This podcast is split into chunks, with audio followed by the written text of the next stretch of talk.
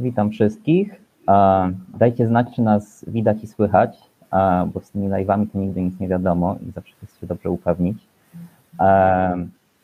Dzisiaj e, porozmawiamy o sytuacji na granicy z Białorusią z naszymi gościniami, wolontariuszkami Salam Lab, Agnieszką Stefańską i Moniką Toporek. Obie dziewczyny działały u nas w bazie i w innych miejscach na pograniczu, udzielając pomocy osobom migrującym, które przekraczają te granice w bardzo strasznych warunkach i, mierząc się z przemocą ze strony polskich służb i białoruskich służb um, również. Um, zachęcam Was do zadawania pytań i do komentowania. Postaram się znaleźć czas, żeby odpowiedzieć na Wasze pytania. Możecie też udostępniać tę e, rozmowę. Ona będzie zostanie zapisana, więc e, będzie jeszcze czas, żeby tego odsłuchać. I na Facebooku, i na Spotify, e, i na YouTubie.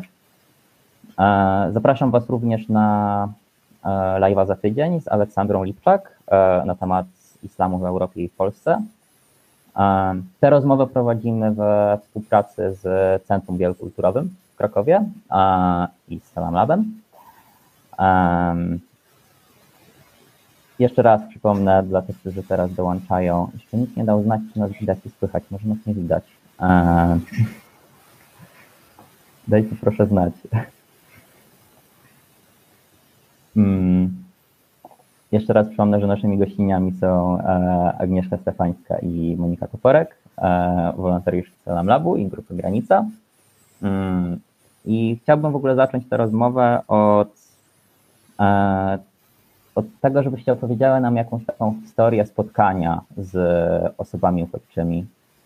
Dlatego, że wydaje mi się, że w całym tym medialnym e, dyskursie na temat e, tej sytuacji właśnie ta ludzka e, część historii jest pomijana i to sprawia, że dużo łatwiej jest się nam poddać tym argumentom o wojnie hybrydowej i e, innych takich właśnie krzywdzących narracjach.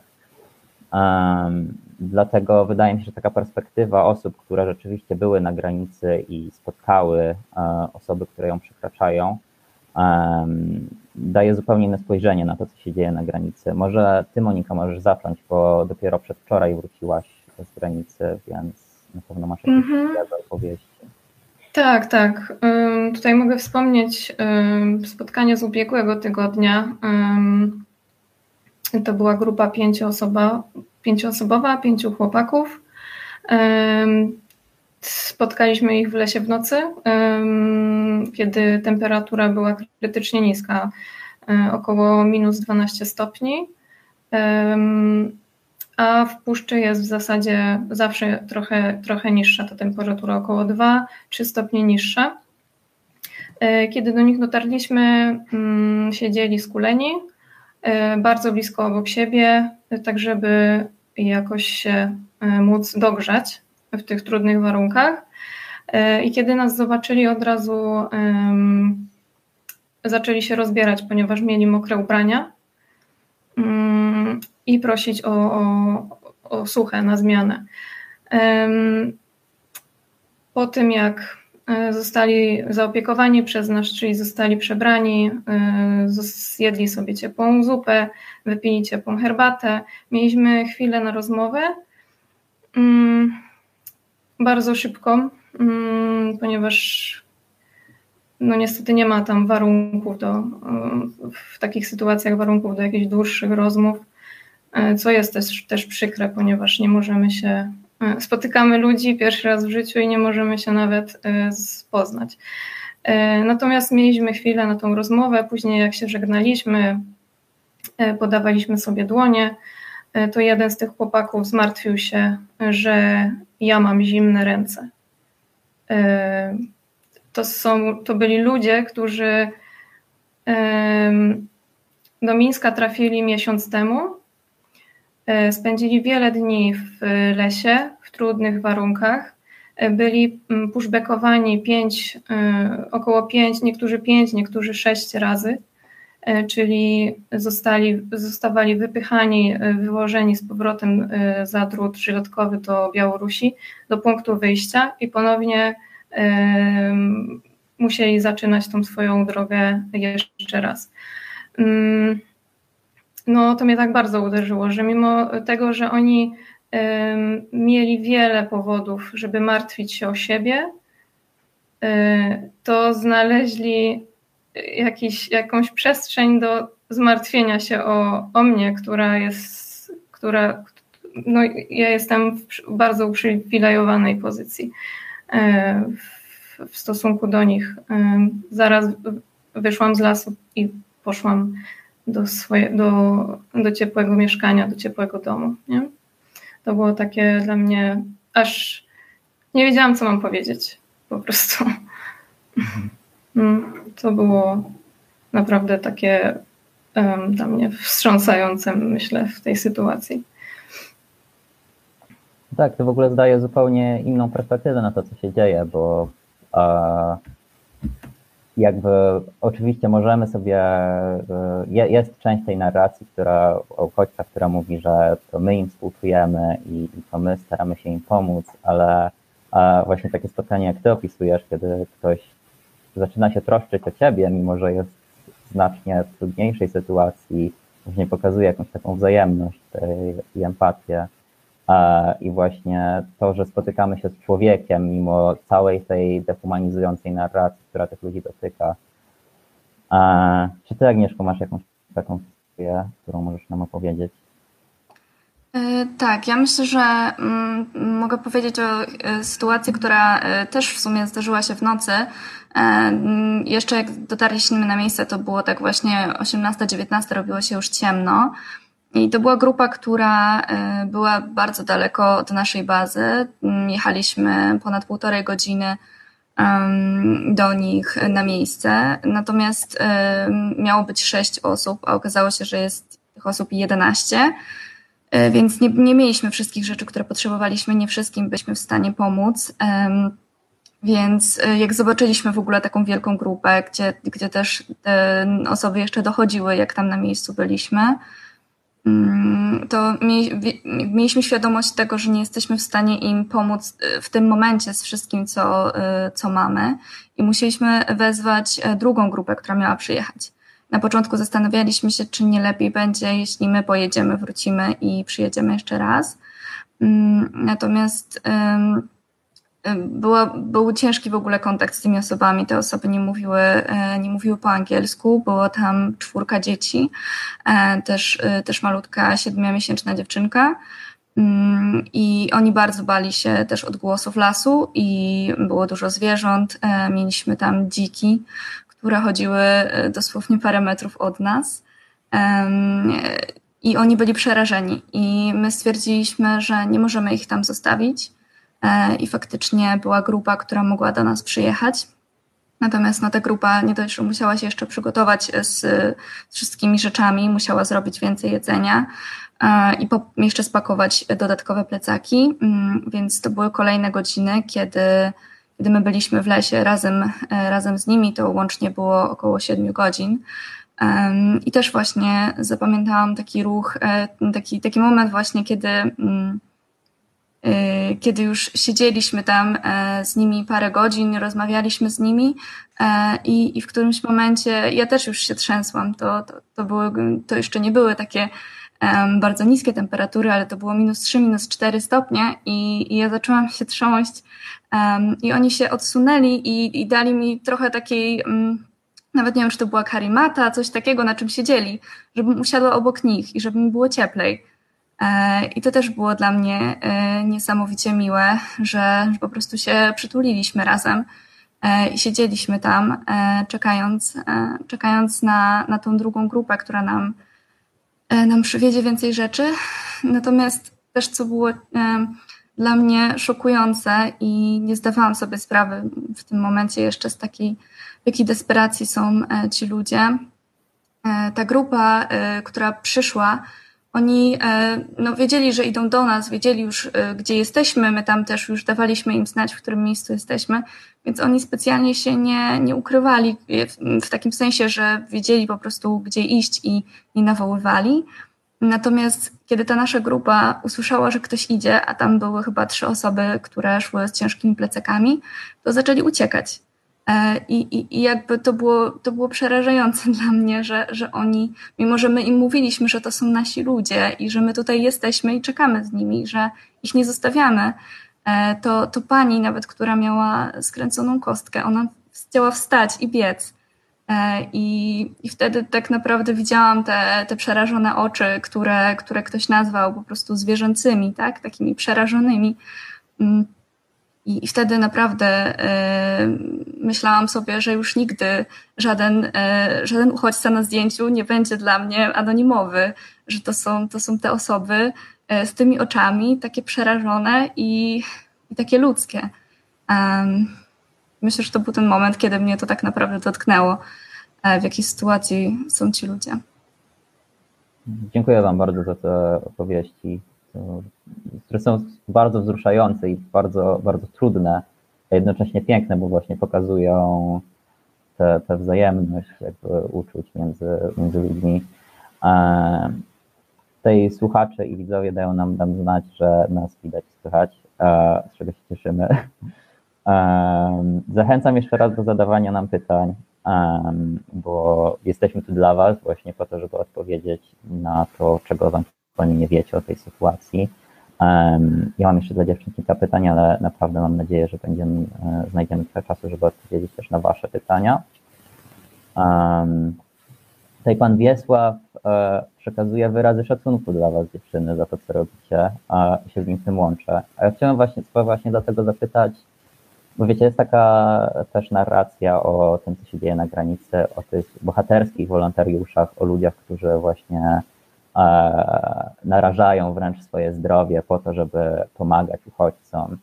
E, I chciałem Was zapytać, dlaczego Wy e, zdecydowałyście się na dołączenie do grupy Granica? Co Was skłoniło do tego, żeby pojechać na pogranicze i e, starać się pomóc ludziom w tej trudnej sytuacji?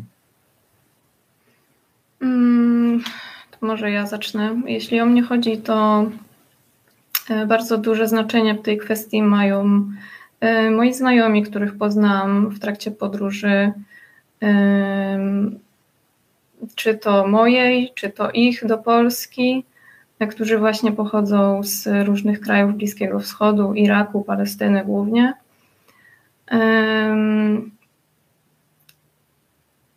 Z jedną z tych osób jestem w takich przyjacielskich bardzo relacjach. E, I rok temu e, byłam jakby świadkiem, uczestnikiem jej starań o to, żeby wyjechać z kraju. Chciała się dostać na studia do Europy. To się nie udało. E, I jakby ja z nią to przeżywałam cały czas. Mm, I trochę w tych ludziach, którzy są teraz na granicy, widzę też tych moich przyjaciół. I rozumiem to, dlaczego uciekają, dlaczego szukają lepszego życia.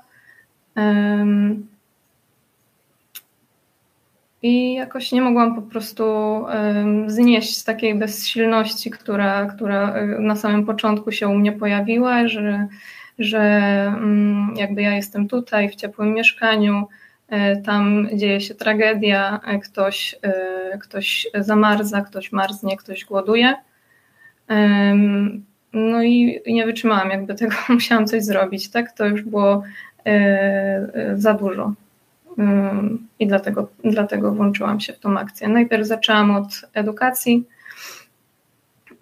i później zaczęłam pomagać w trakcie interwencji, już bezpośrednio. jeśli o mnie chodzi, to jakby no dla mnie to był jakiś taki, takie też jakby poczucie, że, że nie mogę, e, nie mogę niczego nie robić, nie mogę patrzeć na to, co się dzieje i, i nie reagować. Też bardzo, mm, bardzo się dowiadywałam, czy, czy ta moja pomoc na pewno jest wystarczająca, czy ja jestem w ogóle e, będę przydatna na tej, na tej granicy. No nie jestem tłumaczem żadnym z, z języków arabskich, więc zastanawiałam się, czy w ogóle gdzieś tam się przydam.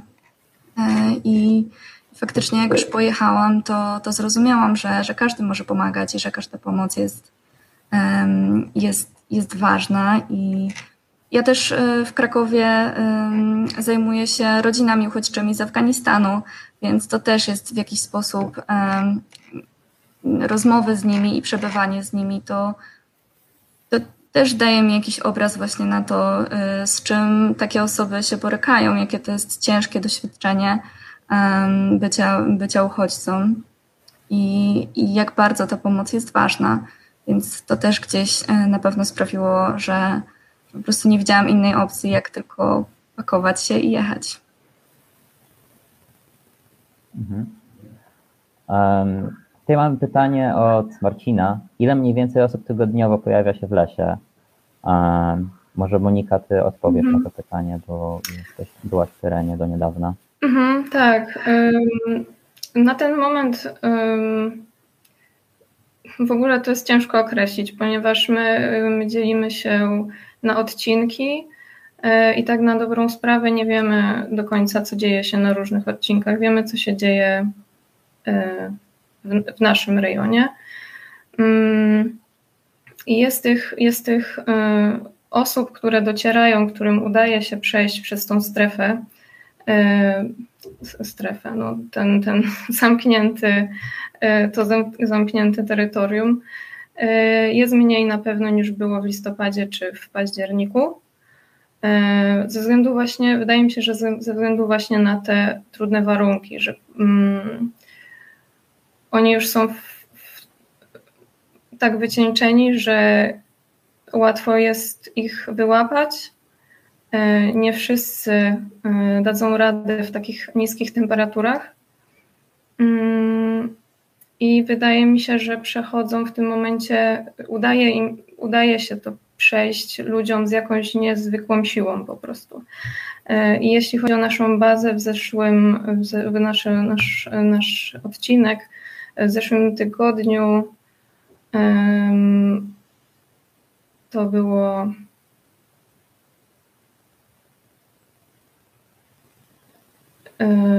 osiem osób, zdaje się, wtedy, kiedy ja byłam. Mhm. Czy tak, to, że teraz przechodzi przez te granice mniej osób, przynajmniej to, że mamy mniej kontaktu z tymi osobami, e, znaczy, że mm, ta sytuacja jakoś dobiega końca? Czy możemy się spodziewać, że niedługo nasza pomoc nie będzie potrzebna? Jak myślicie? Nie, nie wydaje mi się. W tych, w, nawet jeśli to by była jedna osoba, w tych y, takich warunkach, jak mamy w puszczy, do tego zima, śnieg, bagna, y, które są ukryte pod y, mm, korzuszkiem śniegu i ich nie widać, no jesteśmy tam, jesteśmy tam potrzebni, na pewno. I nie jest powiedziane, że, że mm, po zimie ja mam takie przeczucie, że to jednak się nie skończy tak szybko. I powinniśmy być w gotowości. Jeszcze jeśli chodzi o tą liczbę osób, to też może być tak, że my wiemy, że, że są ci ludzie w lasach, ponieważ znajdujemy ślady ich by, bycia tam.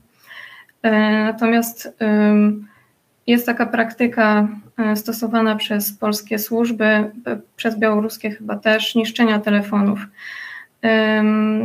Z ostatnimi osobami, z którymi widzieliśmy się w lesie, większość, większość miała wy, uszkodzony śrubokrętem y, port do ładowania. Także bardzo możliwe i na, na przykład na grupę był jeden telefon. Y, więc bardzo możliwe, że to osoby nawet nie mają y, możliwości wezwania pomocy. No tak, no i też właśnie. Mhm. Mów, mów Agnieszka. E, też właśnie osoby, które mieszkają e, lokalnie właśnie w tej strefie, nie strefie, e, też zgłaszają, że, że dalej ludzie przychodzą, no i oni po prostu często jest tak, że nie, nie dostają zgłoszenia, że, że ktoś jest w lesie, tylko po prostu ktoś im przychodzi i puka do drzwi, więc, więc oni jakby cały czas mówią, że, że te osoby jeszcze, jeszcze są, ale no tak jak mówiła Monika, warunki, warunki są ciężkie, no i te, te telefony też. To jest tak naprawdę niszczenie telefonu, to jest skazywanie tych ludzi na śmierć. Tak, trudno też się spodziewać, że ta sytuacja się szybko skończy, szczególnie jeżeli popatrzymy na inne zewnętrzne granice Unii Europejskiej, na przykład na Morze Śródziemne albo szlak bałkański, gdzie ludzie już od wielu lat próbują przekraczać te granice i owszem, intensywność tego ruchu się zmienia ze względu na działania służb, ze względu na warunki i tak dalej, ale szlaki nadal pozostają otwarte i nadal funkcjonuje tam straszna przemoc, która doprowadza do tego, że ludzie umierają. Więc patrząc się na te inne granice, możemy się spokojnie spodziewać, że ta sytuacja na naszej granicy z Białorusią będzie trwała jeszcze miesiące, jeśli nie lata. Mam nadzieję, że się mylę, ale trudno, trudno znaleźć e, więcej optymizmu. E, Anna pyta się o to, w jaki inny sposób niż finansowy i paczkowy można wspomóc działania Grupy Granica. E, może ty, Agnieszko, możesz odpowiedzieć na to pytanie, bo minęło już kilka tygodni, odkąd wróciłaś z granicy, ale wciąż działasz w Krakowie i robisz tam dużo rzeczy na rzecz wsparcia osób, które przekraczają granicę między Polską i Białorusią. W jakie działania się można włączyć? Mm, przede wszystkim no, myślę, że ważne jest edukowanie, edukowanie swoich bliskich, swoich znajomych, mówienie po prostu o tej sytuacji, nagłaśnianie tego, co się dzieje, czy robienie tego w social mediach, czy, czy po prostu rozmawianie ze swoją rodziną i, i próbowanie przekazania tej e, sytuacji jak najwięcej informacji o tym, co się dzieje. No też my jakby na Salam Lab staramy się edukować o tym e, i, i pokazywać, co jest prawdą, a, a co jest po prostu patrzeniem tylko, tylko z jednej strony. E, no i też myślę, że udział w protestach, które, które się odbywają, czy w Krakowie, czy w Warszawie, to na pewno daje solidarność i pokazuje, też, no też nagłaśnia tą sytuację i pokazuje, że, mm, że jakby są ludzie, którzy myślą tak samo którzy chcą wspierać i którzy chcą pomagać. Tak, więc myślę, że to jest, e, to jest super ważne, żeby, żeby po prostu o tym cały czas mówić, żeby to nie zeszło na dalszy plan e, i żebyśmy po prostu wywierali wpływ, wywierali presję też e, na, na naszych rządzących żeby ta sytuacja się jednak skończyła. Dzisiaj widziałem zdjęcie z protestu migrantów, którzy utknęli na greckiej granicy z banerem, który mówił, że najgorsze jest to, że ludzie przyzwyczaili się już do pushbacków, ale my, migranci, nie możemy się do tego przyzwyczaić, jakby nie jest to możliwe. I to pewnie jest jedna z tych ważniejszych części protestów, to żeby, żebyśmy nie pozwolili się ludziom po prostu przyzwyczaić do tej przemocy i jakby pozwolić sobie na to, że przestaniemy to widzieć, przestaniemy przyglądać się temu, co się dzieje na granicy. Jakby ważne jest po prostu, żeby cały czas o tym mówić, cały czas wychodzić na ulicę, cały czas domagać się zmiany, niezależnie od tego, jak długo to będzie trwało. Mm. Tutaj e, Marcin zapytał się, jakie doświadczenia mamy z mieszkańcami Podlasia. A myślę, że to jest fantastyczne pytanie dla Moniki. E, może opowiesz nam właśnie o akcji edukacyjnej, którą prowadziliśmy od sierpnia do października e, i o tym niekoniecznie, czego my nauczyliśmy mieszkańców Podlasia, ale czego my się, na, my się nauczyliśmy od nich. O granicy, o migracji i o empatii. Mhm. Y nie wiem od czego zacząć, ale dobra. W zasadzie y, to też może wytłumaczę właśnie, jak wyglądały te działania y, edukacyjne. Y, one polegały na tym, na rozmowach po prostu z mieszkańcami miejscowości zlokalizowanych wzdłuż granicy, czy, wzdłuż, czy później wzdłuż strefy tego stanu wyjątkowego. No, spotykaliśmy się z różnymi, z różnymi mm, jakby sytuacjami, e, natomiast e, to, co zapadło mi w pamięć i czego ja się jakby nauczyłam, to nauczyłam się tego, żeby ich rozumieć. E, w sensie rozumiem ich trochę bardziej. Dlaczego, jeśli, ma, jeśli czują jakąś niechęć, to dlaczego, z czego to wynika, jakie są tego mechanizmy. E, w większości rozmów, e, które właśnie były bardziej niechętne niż chętne, to był strach dominującą taką emocją. Strach, który wynikał z, z tego, że, mm, że ci ludzie często nie mają dostępu do rzetelnych informacji na temat właśnie migracji, migrantów, krajów, z których pochodzą i tak dalej. E, często informacje czerpią tylko z telewizji, radia, e, gazet lokalnych. E, więc i ten strach w zasadzie on jest naturalny, ponieważ boimy się tego, czego nie znamy. I bardzo łatwo wtedy nam, bardzo łatwo nam wtedy, um, bazując na tym strachu i podsycając ten strach, bardzo łatwo nami troszeczkę kierować. Także tutaj jakby jeśli ktoś był niechętny, to ja dobrze wiem, że ta osoba nie jest złą osobą, tak? Nie życzy jakby nikomu y, takich sytuacji, jak przychodzą teraz migranci. Po prostu y, wynika to z jej niewiedzy i, um, i tutaj na pewno um, utwierdziłam się w tym przekonaniu, że taka edukacja na temat Y, kultur, wielokulturowości jest bardzo, bardzo potrzebna wszędzie i udostępnianie takiej możliwości, udostępnianie możliwości czerpania informacji z, z źródeł takich rzetelnych. Z innych rzeczy, jeśli chodzi o samą empatię, wiele, wiele, wiele ciepłych słów od, od mieszkańców.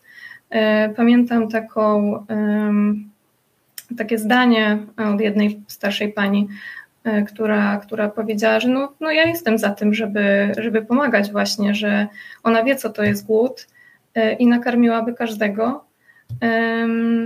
Mimo, że nie ma sama dużo, to, to po prostu podzieli się, tak? I na koniec skwitowała to tym, że nie ma dużo, ale po co komu to bogactwo. To było takie proste zdanie, które, które gdzieś mi zostało w głowie. No i faktycznie, no po co nam to bogactwo w obliczu tego, co się tutaj e, dzieje, tak?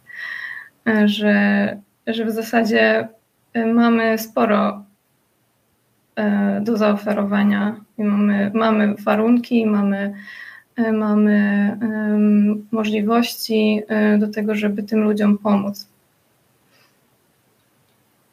Mhm. No tak, ja też uczestniczyłem w tej akcji edukacyjnej jeszcze we wrześniu i w październiku i no było to dla mnie niesamowicie pozytywnym doświadczeniem często właśnie, kiedy spotykaliśmy. Jakby naszym założeniem było przekazanie ludziom tego, że pomaganie jest legalne, że, że nie ma nic z tym złego, a często właśnie ludzie przedstawiali nam dużo bardziej otwartą postawę na dzień dobry. Nie mogę zapomnieć jednej kobiety, która powiedziała nam, popatrzcie się na tę wieś, przecież połowa chat stoi tutaj pusta, wszyscy by się zmieścili.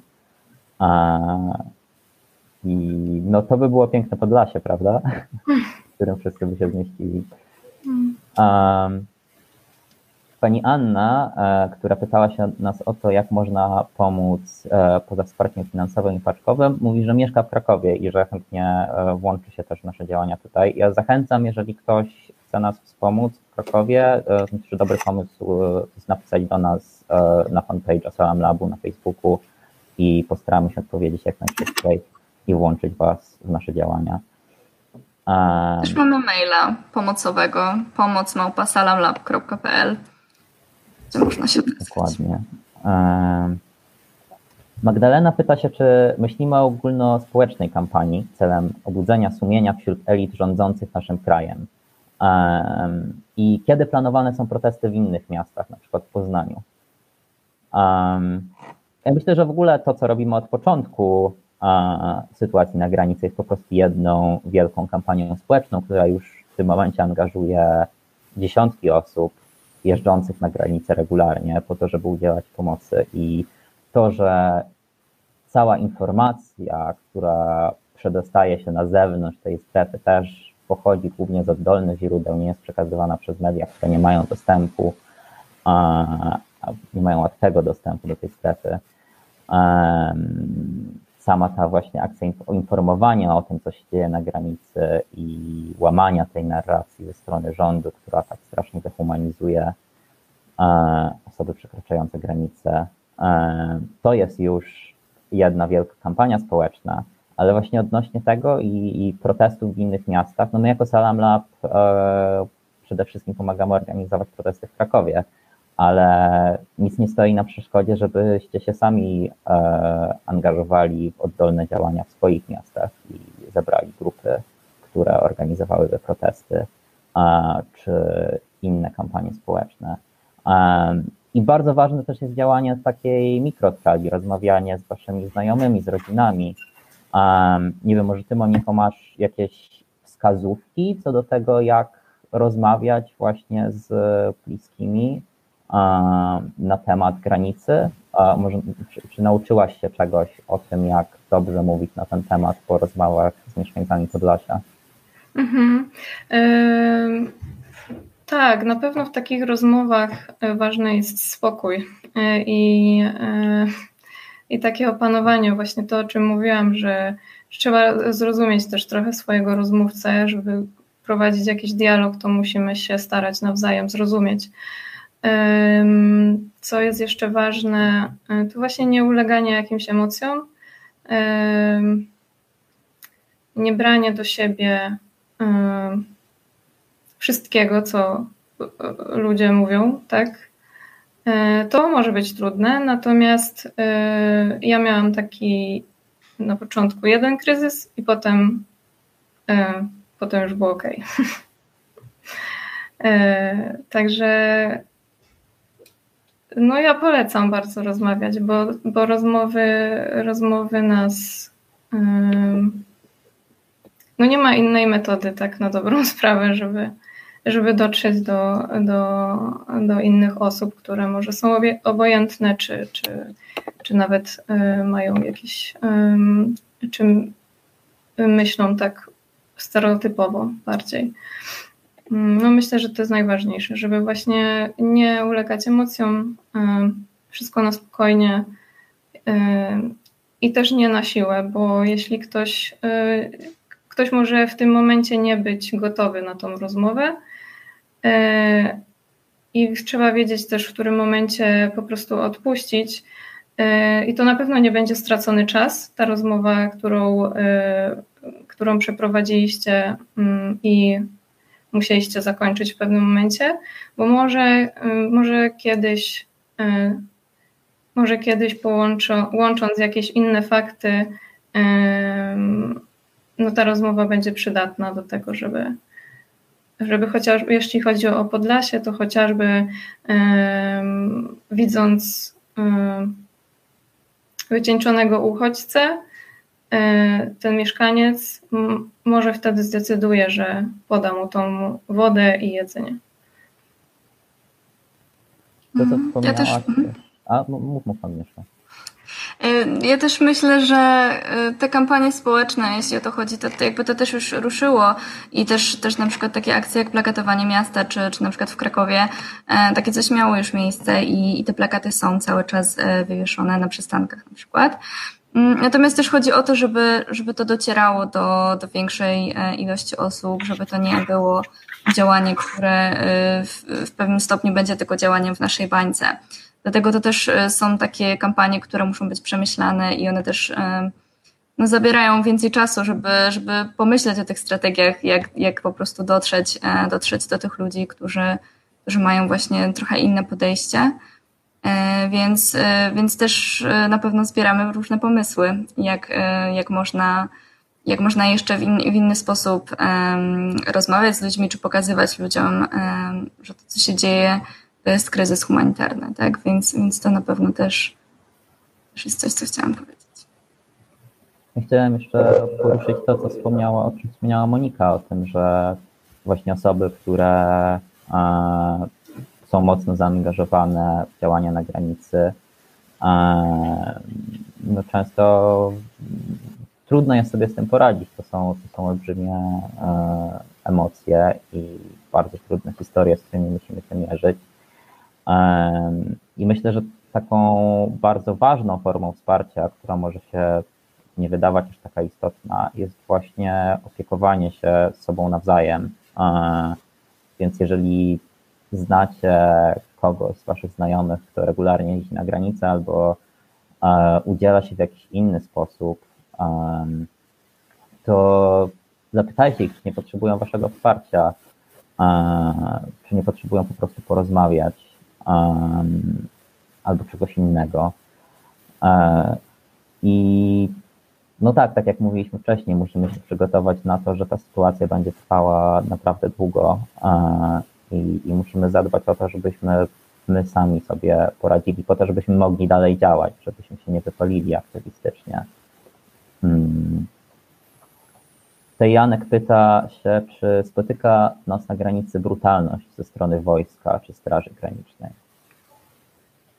Mm, ja nie miałam takich, e, takich e, nie mam takich przykładów. Nigdy też nie spotkałam jakby służb w trakcie e, interwencji, czy właśnie w momencie, kiedy pomagałam mm, ludziom w lesie. Także ja, ja nie mam. No jedyne, co, co jest takie um,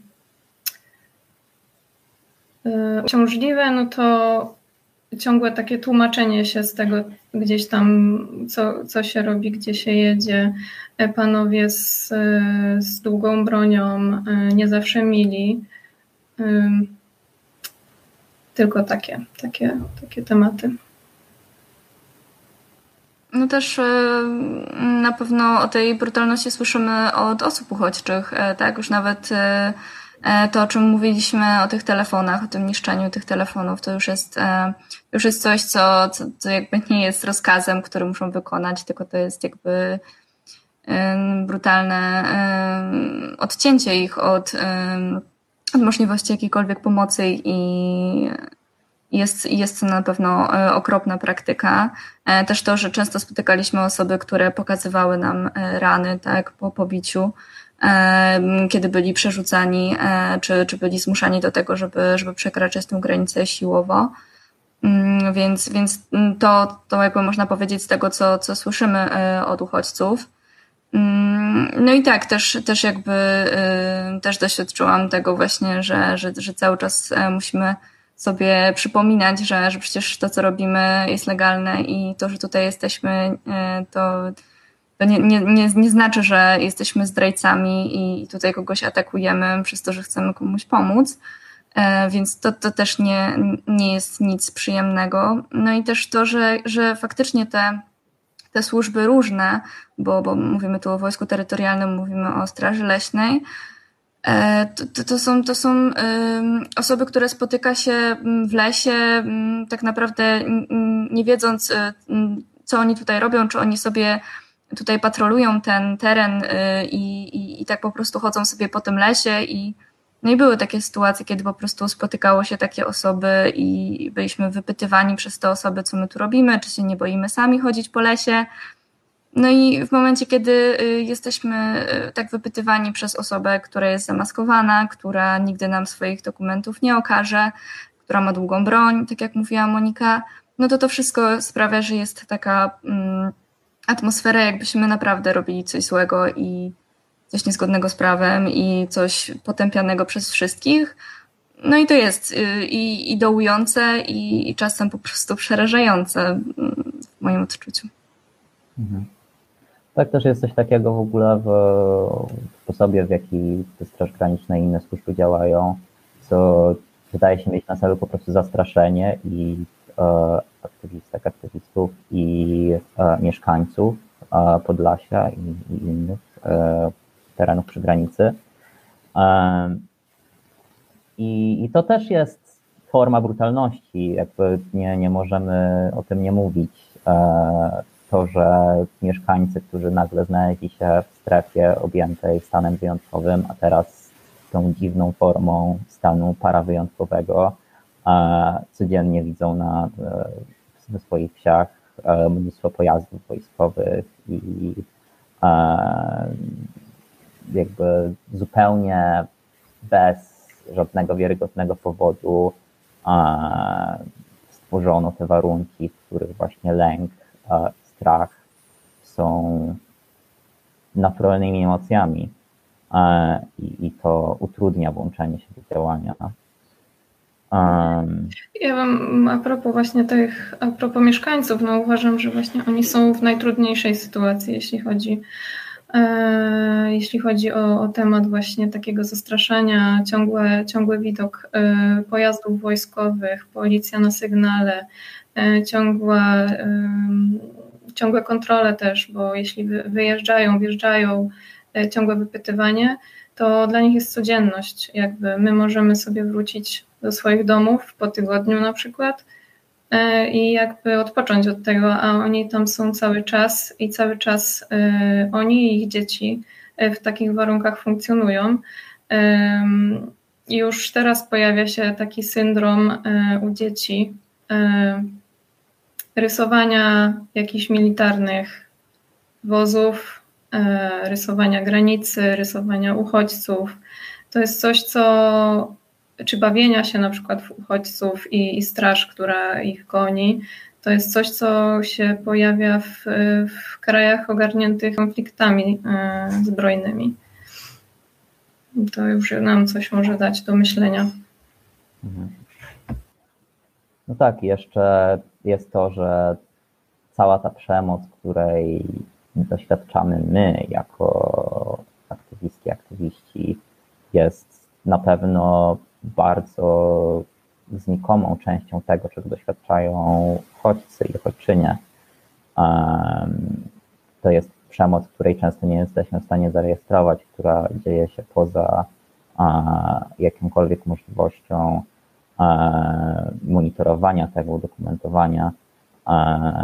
I jest to przemoc, która doprowadza do śmierci tych osób, bo jakby owszem, bezpośrednimi powodami śmierci są zwykle hipotermia czy zmęczenie, ale nikt nie umierałby przecież w tych lasach, gdyby nie przemoc ze strony służb i powstrzymywanie ludzi przed przekraczaniem tej granicy.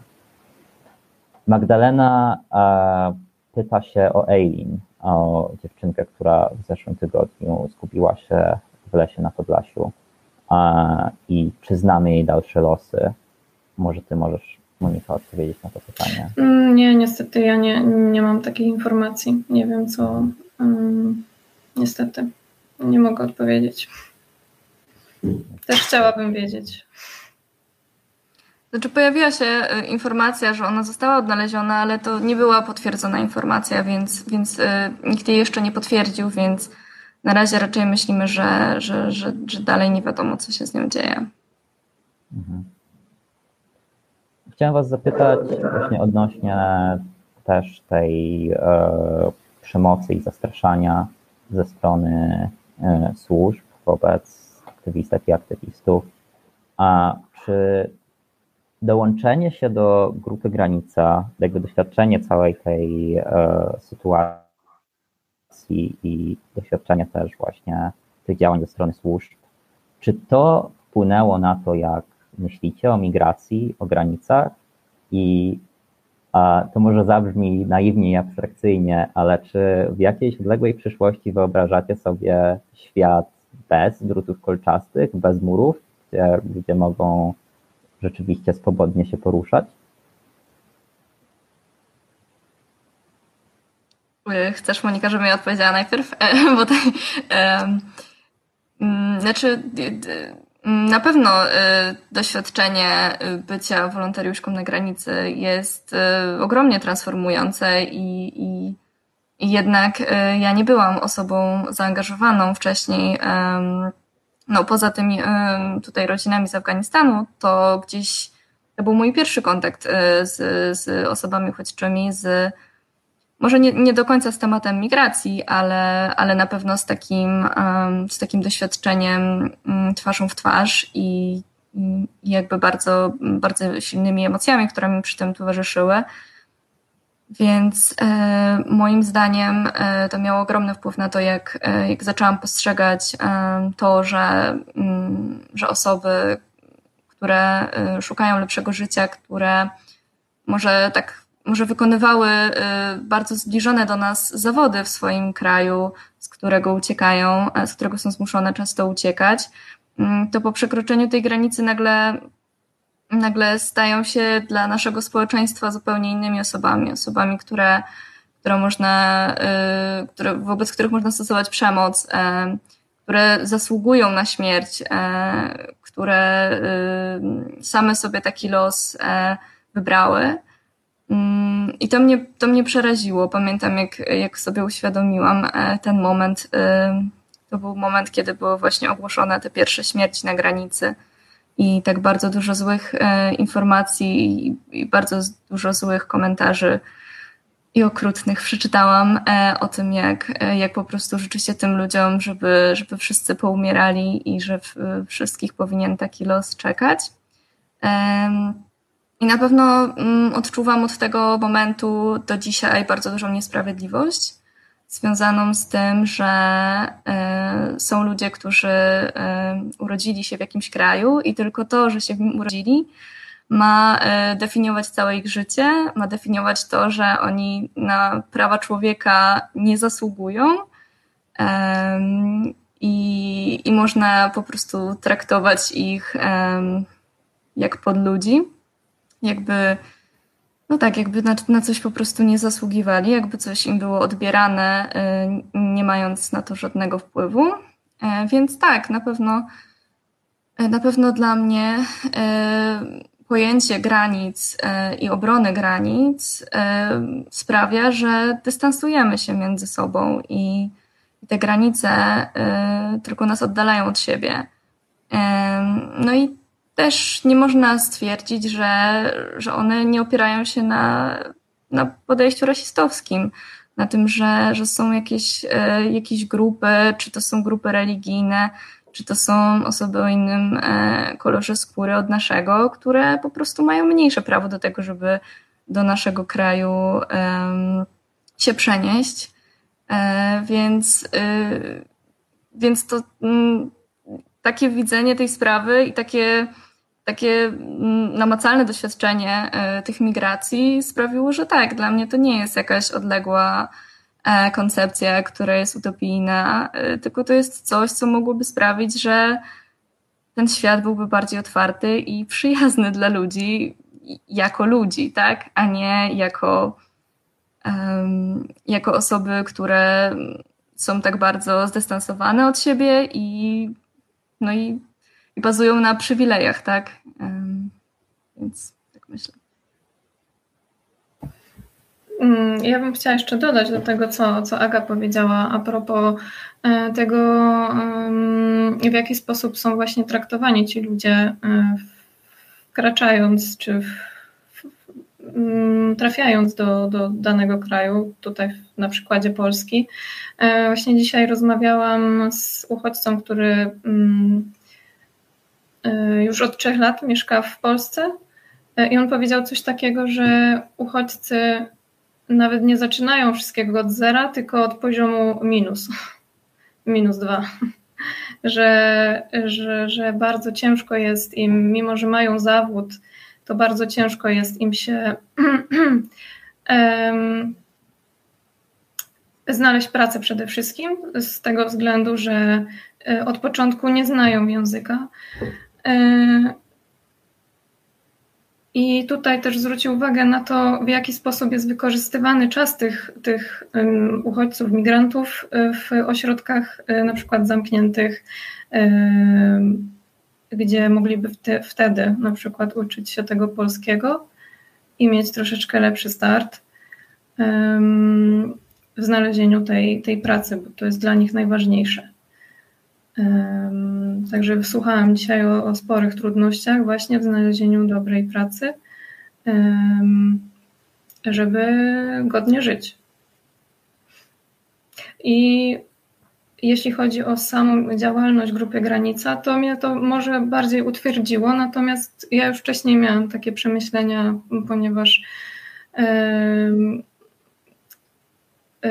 poznawałam wiele ludzi z różnych krajów, podróżując czy przyjmując u siebie ludzi w podróży, u siebie w mieszkaniu.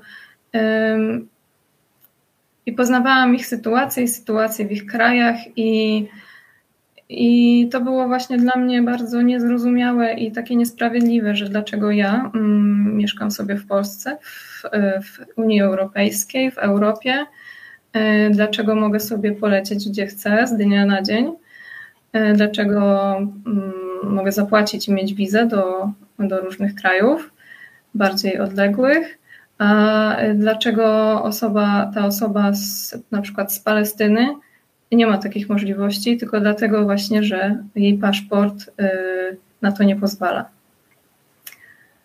Y, także to uważam za bardzo, bardzo niesprawiedliwe.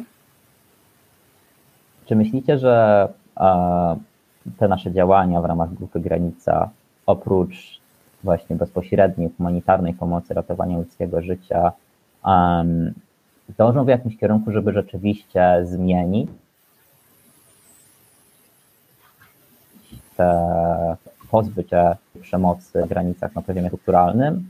Może z drugiej strony to właśnie sam ruch migracyjny jest tym ruchem, który w praktyce neguje istnienie tej granicy, bo jednak sporej części ludzi udaje się przejść przez te granice mimo trudności, a nie poddają się w tej swojej walce o prawo do przemieszczania się i docierają do bezpiecznych miejsc. Co o tym myślicie?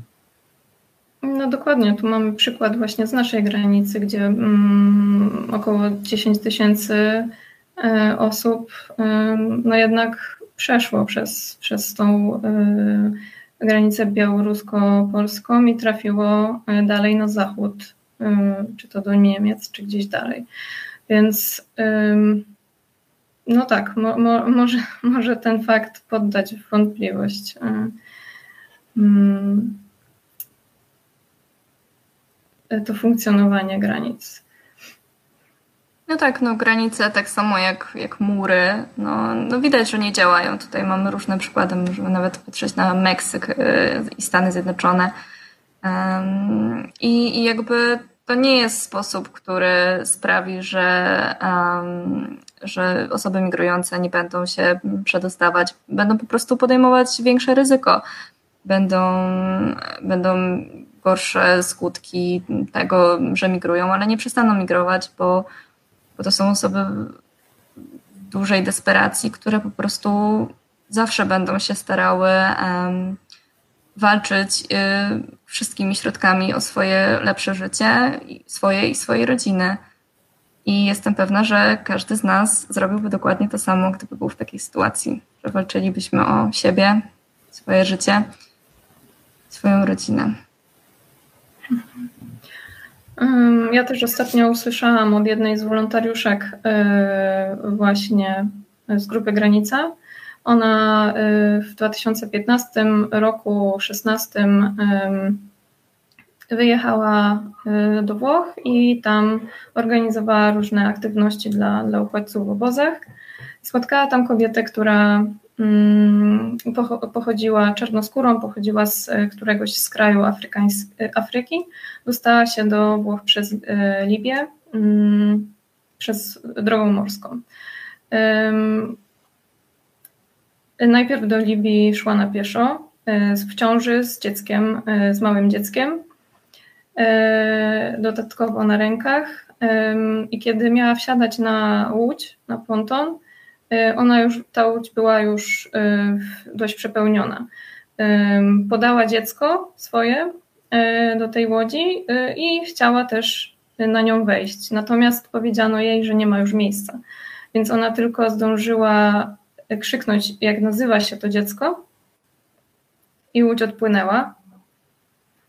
W jakiś sposób po, po dotarciu też do, do Włoch, jej samej udało jej się odnaleźć to dziecko. I ta wolontariuszka zapytała jej, czy podjęłaby się tej decyzji, wiedząc już, jakie to jest ryzyko, jakie wydarzenia w trakcie tej podróży miały miejsce, czy podjęłaby się tego jeszcze raz. Ona powiedziała, że tak, ponieważ nie ma dla niej różnicy, czy zginie u siebie w kraju, czy w drodze. Oni po prostu nie mają nic do stracenia. To jest próba naprawdę ratowania e, siebie i swoich dzieci. Też warto chyba wspomnieć coś o, o przyczynach, które sprawiają, że ludzie migrują. Um, często niekoniecznie tak prostych jak e, po prostu wojna. Um, jakby wiele osób migruje z powodu trwającej już katastrofy klimatycznej, wywołanej przede wszystkim przez bogate państwa i, i, i bogate społeczeństwa, takie jak raczej nasze, niż e, mieszkańców e, północnej Afryki czy Bliskiego Wschodu. Um, oni uciekają dlatego, że nam jest dobrze. Oni uciekają dlatego, że my mamy przywileje. I to, to, to, to jest faktem to, że prawdopodobnie tylko więcej osób będzie próbowało poradzić sobie z biedą, z głodem, z wojnami poprzez migrację w przyszłości. Jeżeli my już teraz odpowiadamy tak e, straszną przemocą na granicach, to co będziemy robić za te 5-10 lat, kiedy jeszcze więcej uchodźców z powodów klimatycznych pojawi się na naszych granicach. Jest to dość przerażająca wizja, ale właśnie obserwowanie e, aktywistek i aktywistów zaangażowanych e, w działania Grupy Granica i innych inicjatyw jest coś, co, czym, co jest czymś, co daje mi nadzieję, że jednak uda nam się wywalczyć ten świat, w którym właśnie nie ma drutów kolczastych i murów. Myślę, że możemy już zmierzać do końca. Czy chciałybyście jeszcze coś dodać od siebie?